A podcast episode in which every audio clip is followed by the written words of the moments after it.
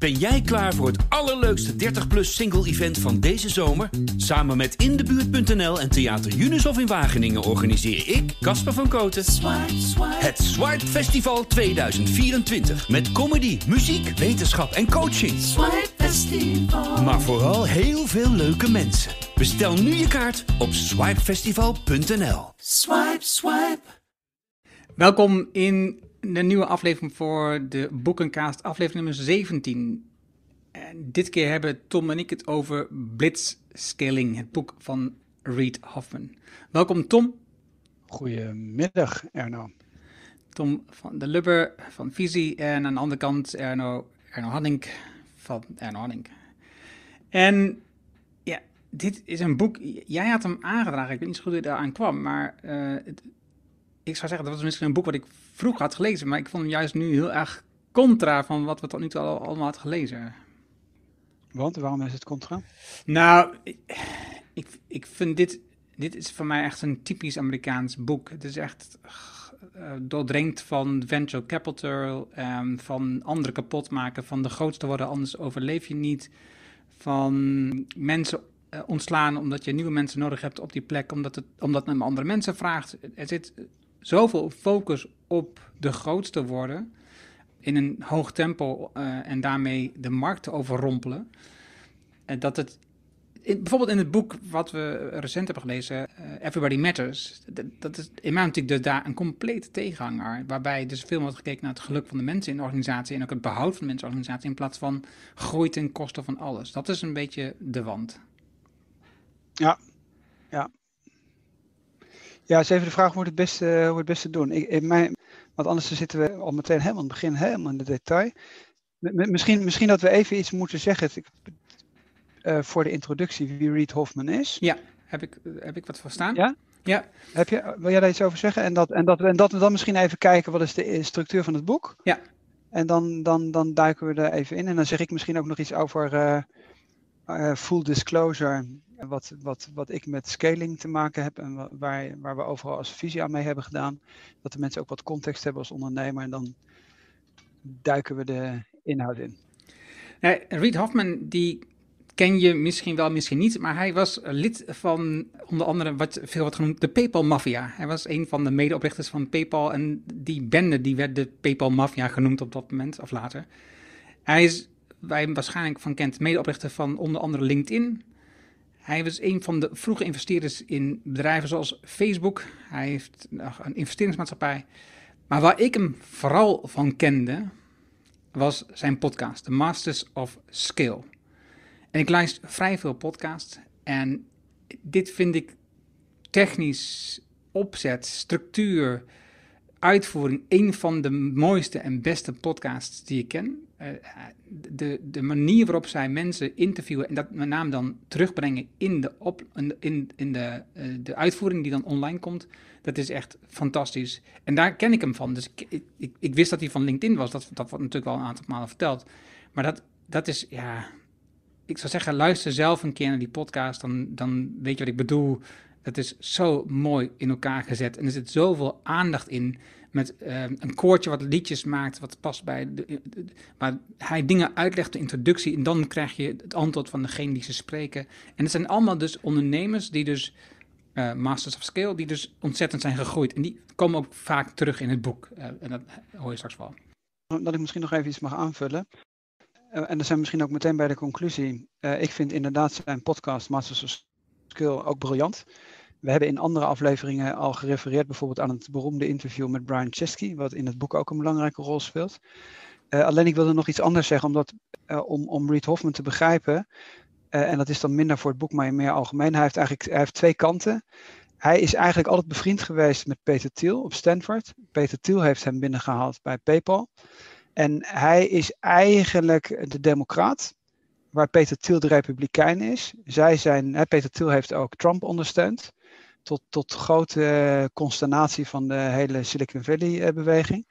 Reid Hoffman heeft ook nog in Oxford gestudeerd. Uh, en is heel erg, ik geloof dat hij ook betrokken is bij change.org, et cetera. Dus hij heeft een hele, hij heeft een, een hele brede persoonlijkheid en, en maatschappelijk heel bevlogen. En het interessante is, en dat het boek zouden we misschien ook moeten bespreken, Blitzscaling is eigenlijk een verslag van de colleges die hij heeft gegeven aan Stanford. Die staan ook online. Uh, en Peter Thiel heeft exact hetzelfde gedaan. En uit dat boek van uit de, de, de, de colleges die Peter Thiel heeft gegeven aan Stanford, daar is dat boek uit ontstaan Zero to One. Een student heeft dat opgeschreven. Nou, dan zegt Peter, kun je ook nog kijken en dan gaan we samen dat boek uitgeven. En dat blitzscaling is eigenlijk min of meer de samenvatting van de colleges, schuine streep, uh, de podcast. Dus op zich is het wel heel erg leuk. En dan komen we na dan weer terug in het, in het, in het hele thema uh, scaling up en wat kun je eigenlijk als Europese ondernemer daarvan leren, is dat je eigenlijk kunt zeggen van ja, je kunt wel klagen dat in Nederland of in Europa dat allemaal veel slechter is. Alleen die colleges staan gewoon allemaal online. Dus je kunt Stanford gewoon het allemaal bekijken. Je kunt ook Zero to One lezen en blitzscaling. En ik denk, om het even te kaderen, wat, je, wat wij er dan aan de hand van vinden, dat komt dan daar bij de inhoud. Maar ik denk dat als je skill-up ondernemer bent en je wilt wel heel groot worden en je wilt bijvoorbeeld zoals wij niet opgegeten worden door een Amerikaan, dan moet je juist dus dit soort boeken lezen en daarmee bezig zijn. En dan te kijken van ja, hoe argumenteren ze? Wat zien ze als voordelen? Wat zien ze als nadelen? En dan, ja, dan daarop te reflecteren. En dat komt dan na de hand bij de inhoud wel. Waar ben ik het mee eens? Waar ben ik het niet mee eens? Hoe zou ik het anders doen? Misschien dat we een andere keer dat Zero to One ook nog moeten oppakken omdat dat, omdat dat inderdaad een hele interessante combinatie is. En dan heb je denk ik Stanford en business colleges met betrekking tot uh, opschalen. Uh, dan, dan hebben ondernemers die dat interessant vinden wel een relatief goed overzicht. Ik ben, uh, wat je zegt, ervan overtuigd dat het een leerzaam boek is. Zeker als je, want ik heb van een paar keer van mezelf ook bedacht, gedacht aan visie. Uh, hoe dat dan zit. Hè. We hebben die gesprek ook al een paar keer gehad al hierover. Dus ik moet denken aan een van de punten in het boek. En dan zal ik zo meteen de structuur van het boek even opnemen. Um, op een moment is er een gesprek tussen, ik dacht dat is het Ma van het Chinese bedrijf Tencent. Hij zegt Weet je, jullie Amerikanen zijn lui.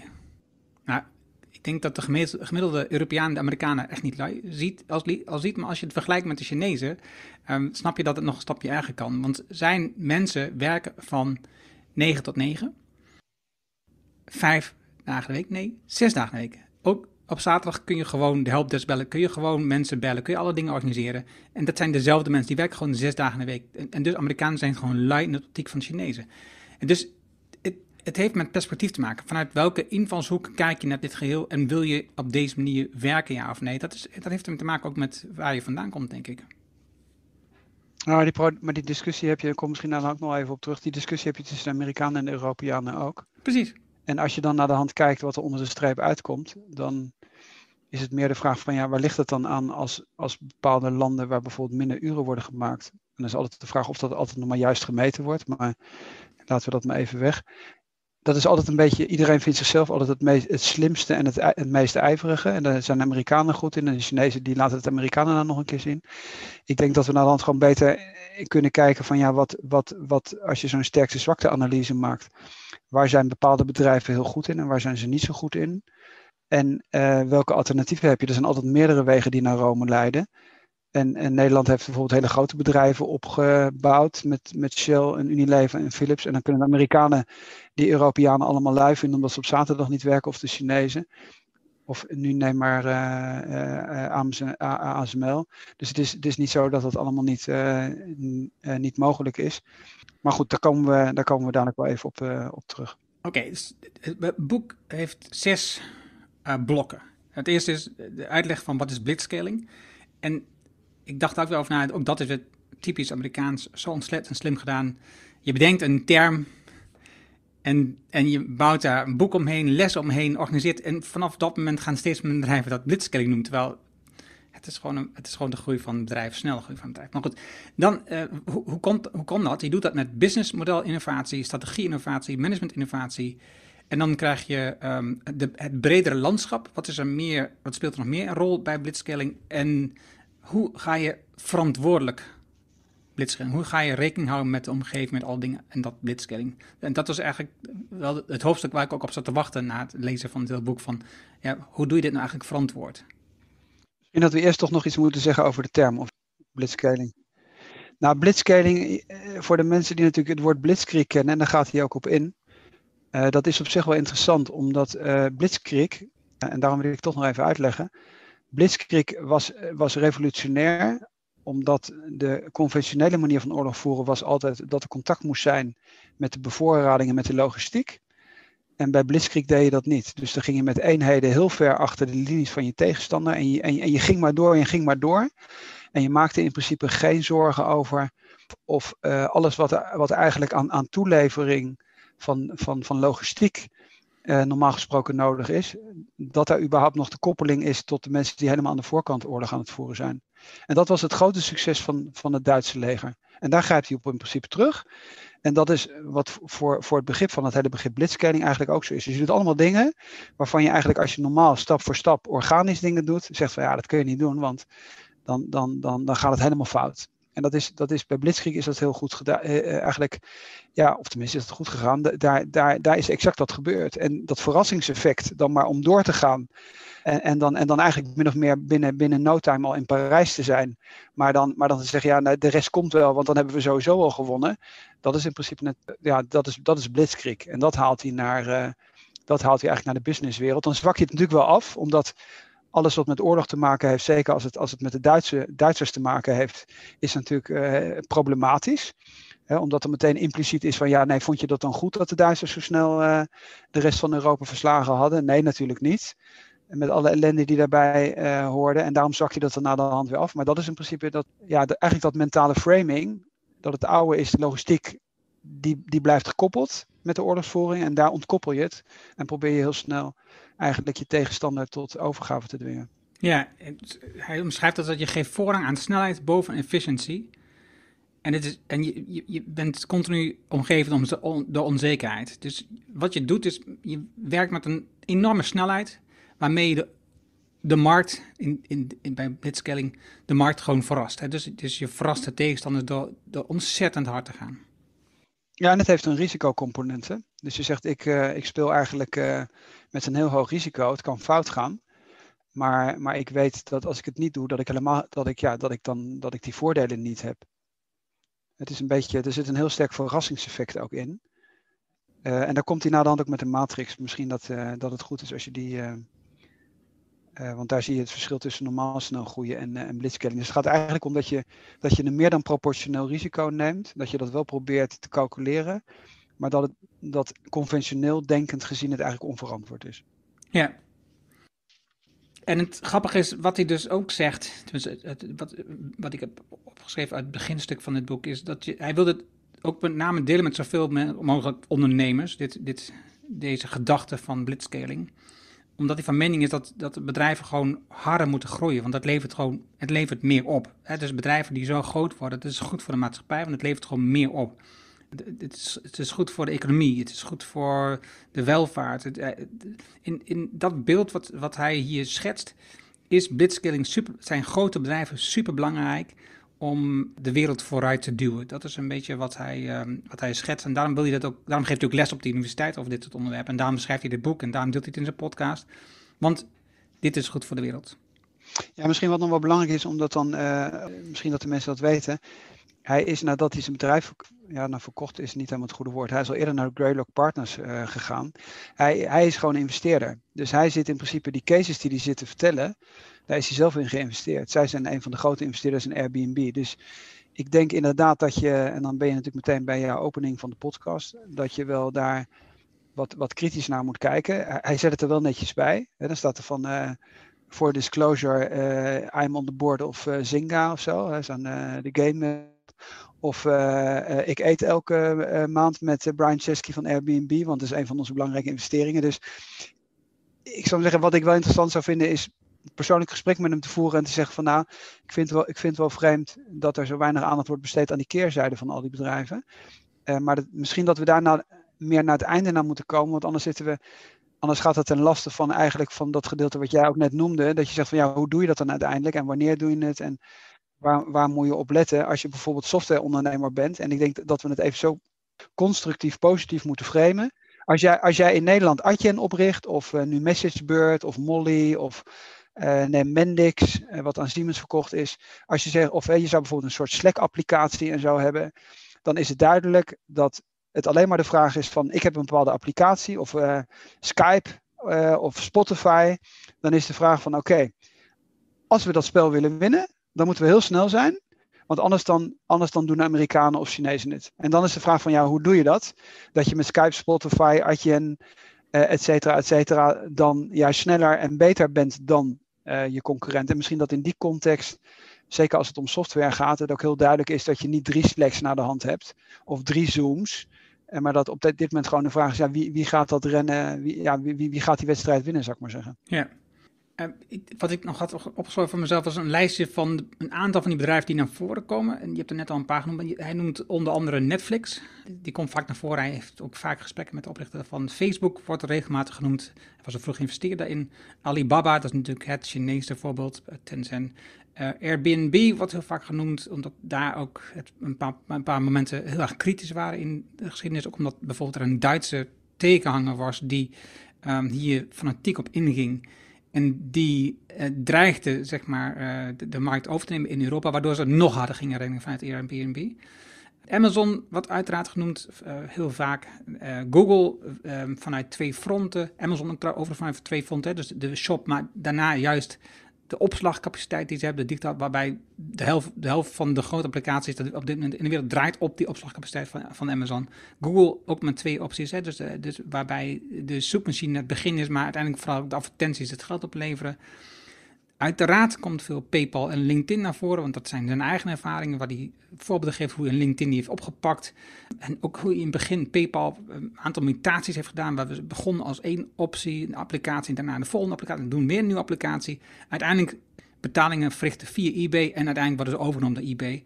Ja, dus, dus en eBay wordt uiteraard ook genoemd, want ja, dat is een bepaald moment zijn uh, degene die het overnam. Dus je ziet veel, wat je net al zegt, bekende bedrijven naar voren komen. En tegelijkertijd kennen wij van die bedrijven ook de keerzijdes. Hè? Dus er zijn genoeg voorbeelden die hij noemt, uh, waarbij onder het mom van snelheid uh, maak je keuzes om andere dingen niet te doen. En daar komen we zo op terug, want hij, in een aantal van die boeken zitten voorbeelden. Wat ook nog, hij noemde een voorbeeld in de politiek, Obama bijvoorbeeld, dat hij in hoog tempo heeft uh, vrijwilligers geworven en ook uh, sponsoring heeft gekregen van veel donaties vanuit vrijwilligerskant. Dat is veel hoger percentage normaal en een heel hoog tempo. Binnen een jaar had hij het voor elkaar. En uiteindelijk natuurlijk de verkiezing ook gewonnen heeft door blitzscaling. Um, en hij geeft ook vol uit goede doelen. Bijvoorbeeld de Khan Academy. Uh, dat is uh, iemand die voor zijn neefje, neefje lessen ging uitleggen. En dat is ontzettend groot geworden, allemaal gratis. Charity Water en Dress for Success. dat een andere voorbeeld die niet in die tech-hoek zitten. En uiteindelijk gaat het veel over kapitaal. Dat je veel kapitaal nodig hebt. Of nou venture capital is of andere investeringsvormen. Je hebt heel veel kapitaal nodig om snel te groeien. Je kunt ook beter te veel geld vragen en erachter komen dat je wat overhoudt, dan dat je uh, uiteindelijk telkens weer een nieuwe ronde moet opstarten, want dit kost ontzettend veel energie. Dat is, dat is in mijn optiek wel een van de kendingen die mij uit dit boek naar voren komt. Als je wilt groeien op een hele snelle manier, en um, ook in Nederland, ook in Europa, met bijvoorbeeld Spotify, uh, dan weet je, ik heb middelen nodig, ik heb geld nodig. Dan, dan is het niet een kwestie van denken van eh, we doen het op een manier met um, de shoestring, budgeting en weet ik dan wat. Nee, je moet gewoon echt ontzettend veel geld ophalen zodat je telkens hele grote sprongen kunt maken. Misschien dat uh, wat ik interessant vond en wat, wat in mijn Engelse uh, niet in de, in de inhoudsopgave niet sterker opgesplitst wordt, wat me verbaasd heeft. Dat is het hoofdstuk, uh, daar heb je net al één, twee dingen uitgehaald. Nine Counterintuitive Rules of Blitzscaling ik vind dat eigenlijk een van de meest interessante hoofdstukken. Bij mij is het uh, bladzijde 198. Uh, eigenlijk is het een soort management-innovatie. En, en wat voor ons lastig is, is omdat het counterintuitive is. Je zou het eigenlijk, je reflecteert, zou zeggen, nee, dat zou je nou juist niet zo doen. Dus ik heb ze nog even opgeschreven en, ik, en dan kunnen we misschien daar na de hand één of twee dingen uitpakken. Wacht even, één ding. Ja? Misschien, want dat, dat zit in het begin van het boek en dat is goed om te zeggen, denk ik. Hij noemt nog vijf fases van blitzscaling van de, van de bedrijfsgroei. Ik denk dat het goed is als een, als een soort basis waar je naartoe wilt met je bedrijf. En dus je hij noemt als eerste dus een family, dus dan heb je 1 tot 9 medewerkers. Dan heb je een tribe, dan heb je tientallen medewerkers. Je hebt een village, honderden medewerkers, een city, duizenden medewerkers en een nation, tienduizenden medewerkers. Want die termen komen vaak terug. En het het enige wat je voor ogen uiteindelijk moet houden, is dat je voor al die verschillende fases heb je heel, ja precies, in het boek uh, zie je het in het scherm nu als je naar de video kijkt.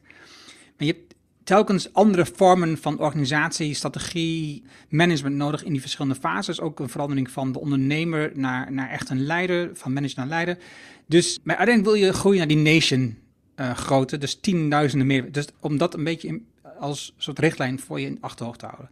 Oké, terug naar die management innovatie. Op zich is dat ook heel goed, omdat dat eigenlijk uit de antropologie komt. Met Danielle Brown en zo ben je. En voor de mensen die, uh, de ondernemers die ook wel ING volgen, de tribes waar ze het over hebben, dat komt bijvoorbeeld hier ook dan weer terug in zijn boek.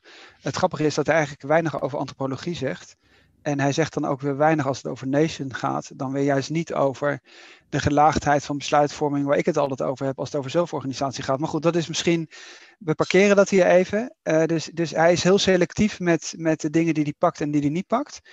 Uh, maar we gaan even terug naar die, naar die counterintuitive rules of blitzscaling, omdat het allemaal dingen zijn, juist als het een ondernemerspodcast is en je als ondernemer daar zit en zegt van nou ik zou bijvoorbeeld sneller willen groeien, dan zijn het allemaal dingen die counterintuitive zijn. Dus bijvoorbeeld het gaat om chaos, nou dat kennen we allemaal wel, dat we inmiddels weten dat je, dat je bepaalde chaos dan, dan ook moet toelaten. Dan heeft hij het over recruiting, uh, hire right now. En dan, en dan het zou optimaal zijn als je iemand ook als iemand het groeipotentieel heeft. Je hebt het al even kritisch aangesproken aan het begin.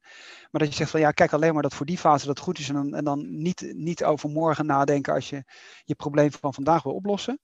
Tolerate bad management. Ook een hele interessante, want eigenlijk zou je als ondernemer wil je helemaal geen bad management uh, accepteren. Uh, maar dat heeft allemaal met die snelheid en allemaal met, met, met, een, met het accepteren van veel fouten te maken. Nou, dan kennen we bijvoorbeeld dat hele idee van, dat noemt hij als, als, als Facebook, maar MVP, Minimal Viable Product. Ook iets wat, uit, wat, we normaal, wat we nu heel normaal vinden in de software. Ik kom er met een beta-versie en het product is gewoon niet af. En ik laat de klanten feedback geven op een product wat eigenlijk niet af is. Zijn we helemaal aan gewend geraakt. Op andere gebieden bijvoorbeeld helemaal niet. Dus wat dat betreft is het ook interessant om te zien hoe dat in de loop van de tijd veranderen. Let fires burn. Dat betekent in het Duits zeg je moet ze lukken. Dus gewoon bepaalde dingen maar gewoon laten rusten en zeggen van nou, het functioneert niet, maar ik doe maar even of ik het niet zie. Dan do things that don't skill. Daar hebben we het al vaker over gehad. Dat is de beroemde, dat beroemde interview met, met Brian Chesky uh, over Airbnb. Dan nummer 7 is ignore your customers. Dus soms ook maar gewoon accepteren. En dan noemt hij het voorbeeld van PayPal dat ze helemaal, helemaal plat worden gebeld omdat er, omdat, er, omdat er iets niet functioneerde. Eerst was, het, eerst was het mailen. Ja, mailen. en, en, en toen sloot een mail af en toen gingen mensen gewoon verschillende extensies in, in, bij PayPal bellen. ja, ja, en dan kun je natuurlijk zeggen van ja, ze hebben dingen gewoon getest en heel snel. PayPal is wel een van de grote successtories geweest. Daar is die hele PayPal-maffia uitgekomen. Hè, want het is, niet alleen maar, uh, het is niet alleen maar Reid Hoffman, maar het is een hele serie uh, mensen, Elon Musk en weet ik veel wat allemaal. Dus ja, uh, en, wij zouden allemaal heel bang zijn en zeggen van ja, hoe kun je nou de stekker eruit trekken en dan uit de telefoon nog de stekker halen. Dus uh, ignore your customers. Uh, en dan raise too much money had je al verteld. Dus met gewoon immense bedragen. En hij noemt de voorbeelden dat, hij, dat ze twee keer kort voor een crisis voldoende geld hadden opgehaald. Dat is natuurlijk nu voor corona ook. Dus de ondernemers die met een hele hoge waardering geld hebben opgehaald, die zitten nu gewoon te wachten tot een concurrenten die geen geld hebben opgehaald failliet gaan. En dan, dan na de crisis gaat het weer verder en, en evolve your culture. Dus dat, dat verder ontwikkelen van de cultuur en helemaal niet al de perfecte cultuur willen hebben. Nou, zonder in al die details in te gaan, ik denk dat ook al zou je alleen maar dat gedeelte lezen als ondernemer, en dan zelf zeggen van, oh, daar heb ik wel wat door geleerd en ik neem even dat MVP of die beta-versie van software, omdat iedereen zich daar wat onder kan voorstellen, als een soort nieuwe realiteit die we vroeger niet geaccepteerd zou hebben, dan heb je als ondernemer van deze podcast denk ik al heel veel geleerd. Misschien dat je het ook ergens in het, in het web of zo vindt. En dan wat er dan omheen vindt en wat wij naar de hand van Airbnb en, en, en, en uh, Uber en weet ik veel wat, Uber noemt hij overigens ook heel veel. Uh, wat we daar allemaal van vinden, dat is dan een apart politiek hoofdstuk. Maar het is voor de, ik zou maar zeggen, sharpening the mind. En juist dingen lezen waar je het niet meteen mee eens bent, dat is wel gewoon goed om je eigen, om je eigen mentale geest te scherpen, scherper te maken. Ja, u benoemt u meerdere keer, zoals je al zegt, maar ook vaak in een negatief daglicht. Want u heeft natuurlijk ontzettend veel problemen gehad. En het eerste. Maar dat heeft vooral te maken met de topman die die kritiseert. Ja. Maar het eerste uh, blok van management innovatie, waar dit uitkomt, heeft de acht transitiesleutels. En ik vind die minstens zo interessant. Ja, ben ik met je eens. Dus, dus eh, dan zal ik die even eh, van mijn rekening nemen. is, um, uh, dit eerste is van kleine teams naar grote teams. Dus je, je, blijft niet hangen in kleine teams. Je gaat echt grotere, grotere, grotere teams opzetten. Je gaat van generalist naar specialist. Je gaat van bijdragers, dus medewerkers, naar managers, naar executives. Je gaat van dialoog naar zenden en die, vond ik heel, die vind ik heel erg lastig. Dus, dus als je klein bent, dan heb je gesprek met mensen, heb je een dialoog. Maar een bepaald moment kan niet meer, wordt je bedrijf zo groot, dan moet je gewoon zenden. Dus mensen die bijvoorbeeld elke week een e-mail sturen naar iedereen in het bedrijf. Ehm, van inspiratie naar data. In het begin is het gewoon, je hebt inspiratie. En dan maak je keuzes op, dit gaan we doen. Een bepaald moment is het vergeet de inspiratie. We hebben gewoon data nodig en we gaan dingen baseren op, data. Focus op één ding ga je in het begin doen, maar later ga je gewoon meer dingen tegelijk doen. Dus moet je op meer dingen tegelijk focussen. Je kan niet op één ding focussen meer. Um, en dan heeft hij een grappig hoofdstuk van piraat naar um, Navy, marine.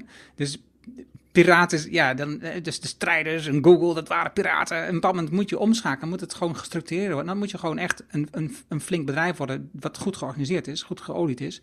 En als laatste is als, als leider jezelf opschalen van oprichter naar leider. En dus dat is, ja, daar gaat het ook nog wel eens een keer mis. En dat, dat, voorbeeld van Uber komt bijvoorbeeld naar voren. Je ziet, Uber zag je zich nog steeds gedragen als een soort founder. Die probeerde af zo kleinschalig mogelijk te houden. En dat, het ging gewoon een bepaald moment niet meer. Ja, alleen ik, bijvoorbeeld dat gedeelte, ik vind bijvoorbeeld dat, dat denken vond ik veel interessanter. Omdat ik bij die lijst die jij nu hebt opgenoemd, van elk hoofdstuk x voorbeelden kan noemen waar juist het tegenovergestelde gedaan wordt. Dus even neem maar een voorbeeld van, van kleine teams naar grote teams. En dan kritiseert hij eigenlijk, en dat vind ik, vind ik een beetje jammer, hij kritiseert de CEO van, uh, van Uber. Uh, wat overigens een intelligente jongen is. En die zegt van ja, elke keer als dingen groot worden moet je ze klein houden. Nou, als je bijvoorbeeld nou even dat Haya voorbeeld neemt, neemt, wat natuurlijk gewoon wel wereldmarktleider is geworden met het gebied van koelkasten, dat noemt hij dan niet. En die hebben net, uh, ik maar zeggen, 80.000 mensen opgedeeld in microcompanies. Of neem Eckhart Winsen met de decentrale cellenstructuur. Dus ik weet heel, dus het is, het is, wat dat betreft zit hij heel erg in de Amerikaanse framing. Uh, en, en stuur elke week een e-mail. En wij zouden zeggen van ja, hou het klein. En bespreek in een team wat prioriteit heeft. En luister daar decentraal naar je klanten. Dan kun je in principe ook opschalen. Dus ik, vind ik vond dat gedeelte ook interessant te lezen. Maar ik was het daar ik zou zeggen, ik, ik voel me daar minder eh, intellectueel door gechallenged dan, dan door dat counterintuïtieve uh, denken. En dat vind ik bijvoorbeeld aan het boek van Peter Thiel met Zero to One. Vind ik wat dat betreft intellectueel dan nog spannender, omdat Peter Thiel dat provocatiever doet dan Reed Hoffman en veel extremer doet dan Reed Hoffman. En wij zouden Europees gezien, zouden wij zeggen van dat idee van de hele sterke leider, en, en, en de alles, de alles uh, hoe zou ik dat zeggen, de alleswetende, of de, de, de, de, hij hemelt die mensen heel erg op in de zin van, het zijn altijd briljante individuen, die, die op een bepaalde manier, uh, ik zou maar zeggen, zich ontwikkelen. En, en daar zegt hij dan van, en dat, vind ik, dat vond ik op zich, voor mij was dat een soort eye-opener. En ik heb het boek nu voor de tweede keer gelezen en dat had ik niet in herinnering. Hij zegt op een gegeven moment, ja, mensen gaan dan een hele staf omheen doen van mensen die allemaal gedeeltes afdekken, et cetera. En die dingen filteren en gesprekken voorbereiden, et cetera. Dat is helemaal niet onze manier uh, van denken. Dus hij, hij heeft wel heel erg dat idee van, ik heb een briljante leider, die moet ik zoveel mogelijk faciliteren. En de Airbnb-oprichter die stuurt steeds meerdere duizend mensen elke week een update van wat, wat hij in zijn alwetendheid uh, met, met, met het bedrijf uh, van plan is. En ik denk dat dat de Europese manier van denken, wat dat betreft veel meer met gelijkheid en met z'n allen en collectief. En hij, hij, hij heeft dan een hele individualistische bril heeft hij op. Het gaat altijd over Mark Zuckerberg en over Bill Gates. En het gaat, het gaat, het gaat altijd eerst over de ondernemer en de briljante oprichter. En dan gaat het pas over, over het hele bedrijf. Hij noemt ook heel veel mensen die hij in het verleden dan in LinkedIn op een bepaald moment heeft aangenomen, die dan alles hebben opgelost, et cetera. Terwijl het gewoon bedrijven zijn met duizenden en duizenden mensen. Dus dat is wel heel erg individualistisch. Eens. En uh, het is ook precies wat ik aan het begin zei. Het is, het is gewoon heel Amerikaans, heel erg Anglo-Saxisch opgezet. En, en, en wat dat betreft past het enorm, het boek. En wat, je, wat misschien wel belangrijk is, want ik zat dat gisteren te lezen. En dat was geloof ik op hetzelfde moment dat Robert Vis van uh, MessageBird een Engels bedrijf overnam. En ik, de persbericht zat ik te lezen. En, en MessageBird is ook unicorn. Eh, een van de grote succesvolle bedrijven, juist allemaal software, et cetera. En, en in die persverklaring stond dat zij, uh, dat, was een persbericht, er stond een artikel over op TechCrunch, een Amerikaanse publicatie. En daar ging het om dat Robert Vis had gezegd, ja nee, ik wil ook wel een good home voor dit soort ondernemingen worden. En toen dacht ik, slim van Robert Vis, want hij, pakt, hij heeft goed geanalyseerd wat, wat, wat wat Europese bedrijven nou juist niet sympathiek vinden van Amerikanen. Waar, waar ze maar daar overheen denderen. Uh, en eigenlijk alles gelijk schakelen. En hij wilde eigenlijk zeggen van nou, wij nemen dat als Messersbeurt wel over. Die club uit Engeland. Maar hij probeerde heel erg te zeggen van het is belangrijk dat die mensen zich bij ons in de Messersbeurt familie uh, uh, welkom voelen. En dat ze belangrijk blijven. En ik dacht van nou, hij zit gewoon alweer te vissen voor de volgende acquisitie. Maar hij weet dat gewoon slim te spelen. Dus wat dat betreft kun je ook zeggen, als jij nou in Nederland of in Europa, ik zal maar zeggen, heel groot wil worden en dit zijn jouw tegenstanders, dan lees dat boek. Want daar waar je merkt dat je het niet met ze eens bent, is dat in je communicatie met betrekking tot overnames enorm veel waard. Omdat je namelijk exact dat verhaal vertelt, wat de mensen wel van je willen horen. De mensen willen wel gerespecteerd worden. En niet alleen maar de oprichter, maar dat hele managementteam of dat hele bedrijf. Naar de mensen luisteren. En dat gebeurt eigenlijk hier niet. Het is hier één grote één grote wals die daar met een denderend geweld overheen gaat, met heel veel geld. Waar bepaalde fases gedefinieerd worden en waar iemand boven in die toren. Uh, en, en Airbnb is waarschijnlijk het voorbeeld wat het meeste terugkomt. Eén keer per week die e-mail eruit stuurt. En ik zit dan dat te lezen en denk van ja, maar als die, als die er nou volgende week niet meer is. En die e-mail die is zo rete belangrijk. Wie gaat die e-mail dan sturen? En dat is, en dat is denk ik van nou, dat is, dan denk ik dat dat, dat, dat decentrale en dat collectieve en met z'n allen samen, hè, wat dan toch meer Europees is en misschien overigens ook meer Chinees is of meer Aziatisch is. Dus soms is het een beetje het idee hardloper, doodloper uh, scenario. En dat zag je bij Uber ook gebeuren. Dan is, dan is iemand weg waar iedereen zijn kaart op heeft gezet.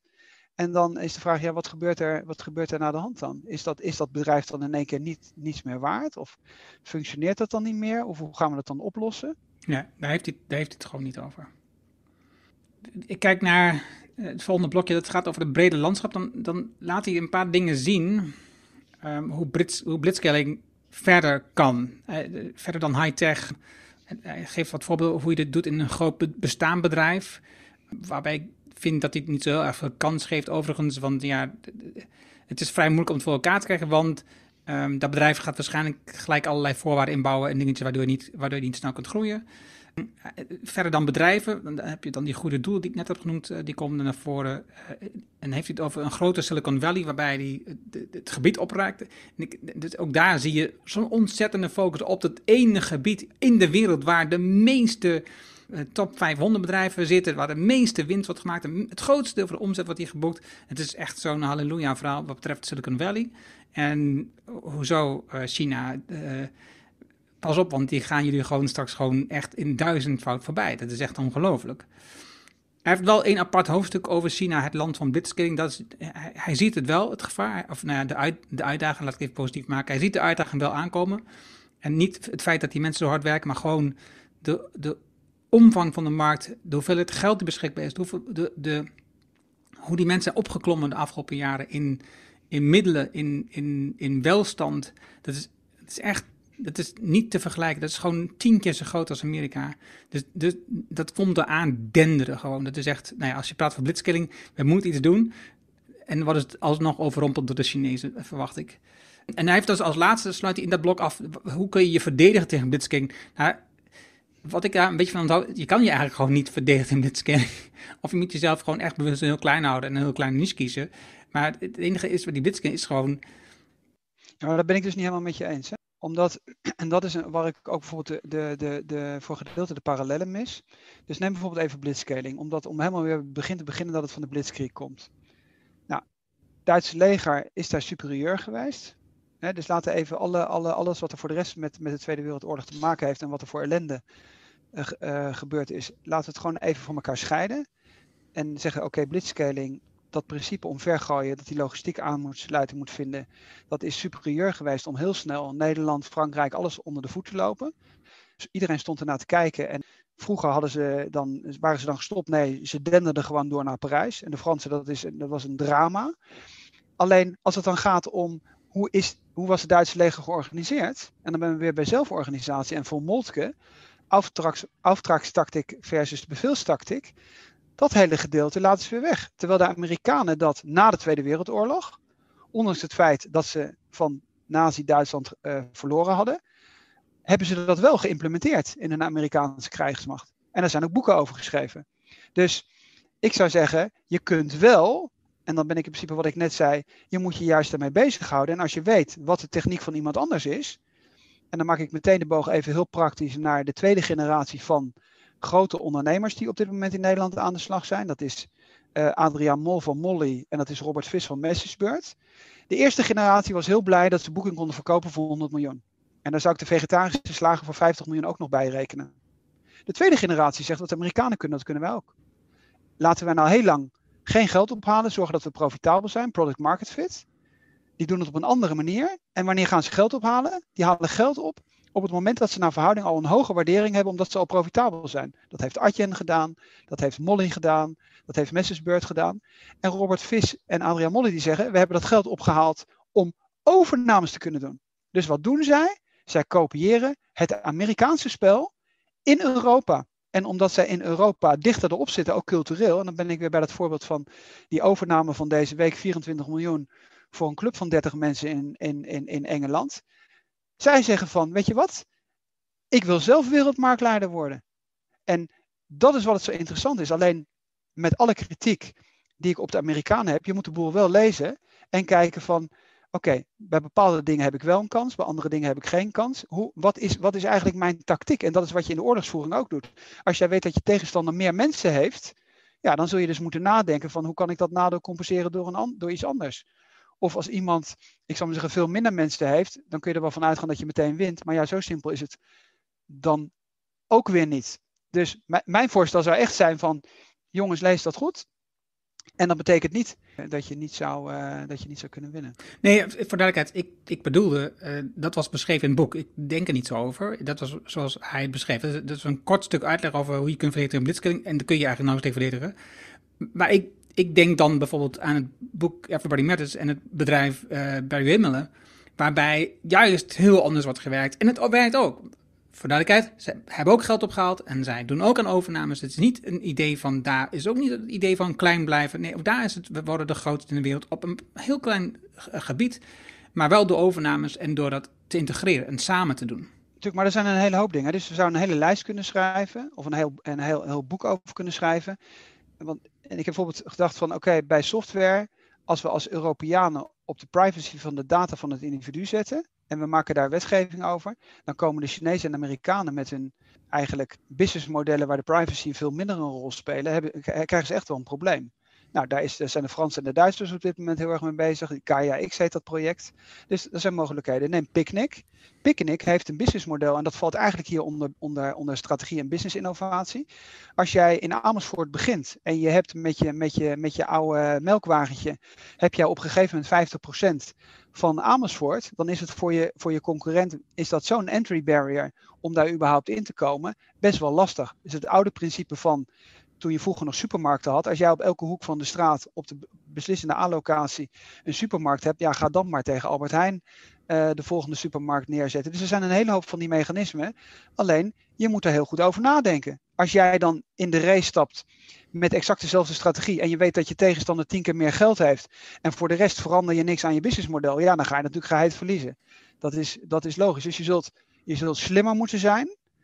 Je zult het op een andere manier moeten doen. Maar we hebben net zoveel IT-mensen als in Amerika, omdat we heel veel IT-mensen tegenwoordig in Europa hebben. We hebben net zoveel start-ups uh, als uh, in Amerika. Het grote probleem in Europa tot nu toe is dat de grote skill-ups, dat die de grote bedragen niet kregen, omdat de waardering die we voor skill-ups geven te laag is. Dus in Europa zeggen we, Booking maakt zoveel omzet, we gaan ze geen lening geven. En dan zeggen de Amerikanen, ja maar dat interesseert me helemaal niet hoeveel omzet jullie maken, jullie zijn zo superieur. Hij noemt dat voorbeeld overigens in het boek. Hij heeft het over Priceline. Hij zegt dat ze Booking gekocht hebben. Hij zegt dat Priceline het best performende aandeel was. Hij zegt niet daarbij dat die beste performance van Booking vandaan komt. En hij zegt niet daarbij dat Booking is opgericht door Nederlanders.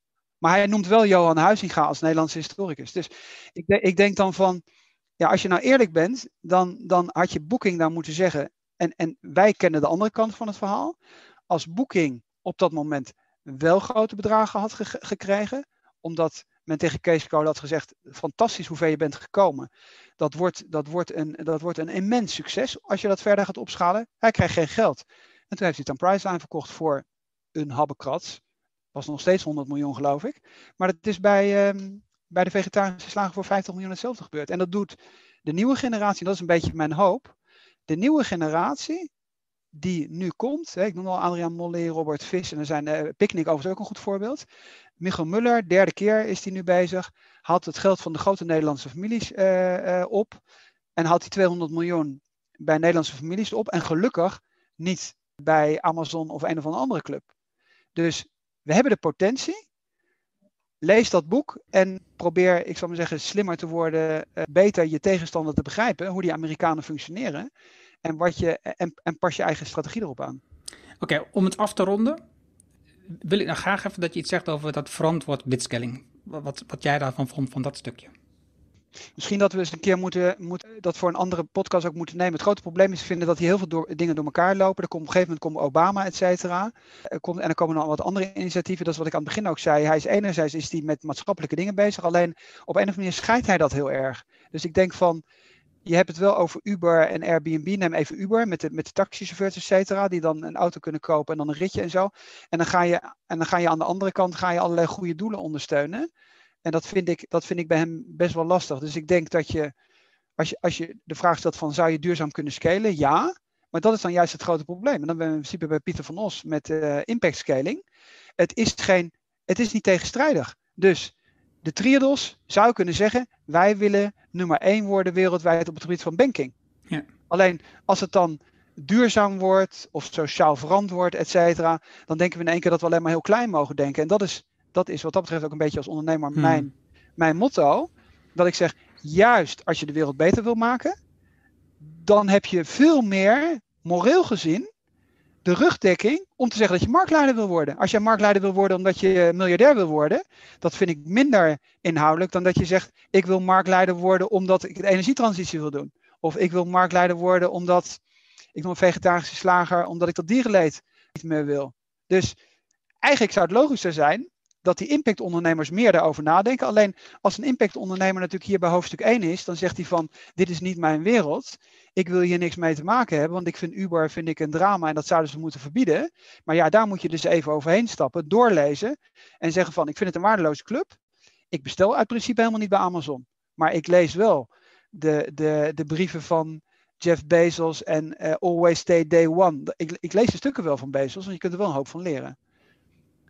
Het enige wat mij nog opviel in het laatste stuk was onder andere uh, in het stukje over balanceren verantwoordelijkheid en snelheid. En blitzkilling in de gemeenschap. Het, het, ging over regelgeving en de rol van de overheid. Het is, niet een heel erg uitgebreid hoofdstuk, dus we hebben het al een paar keer over gehad over, met Mariana, Mariana Mazzucato over de rol van de overheid in dit soort um, grootste spelen, waarbij een bepaald zo'n speler zoveel macht krijgt dat je.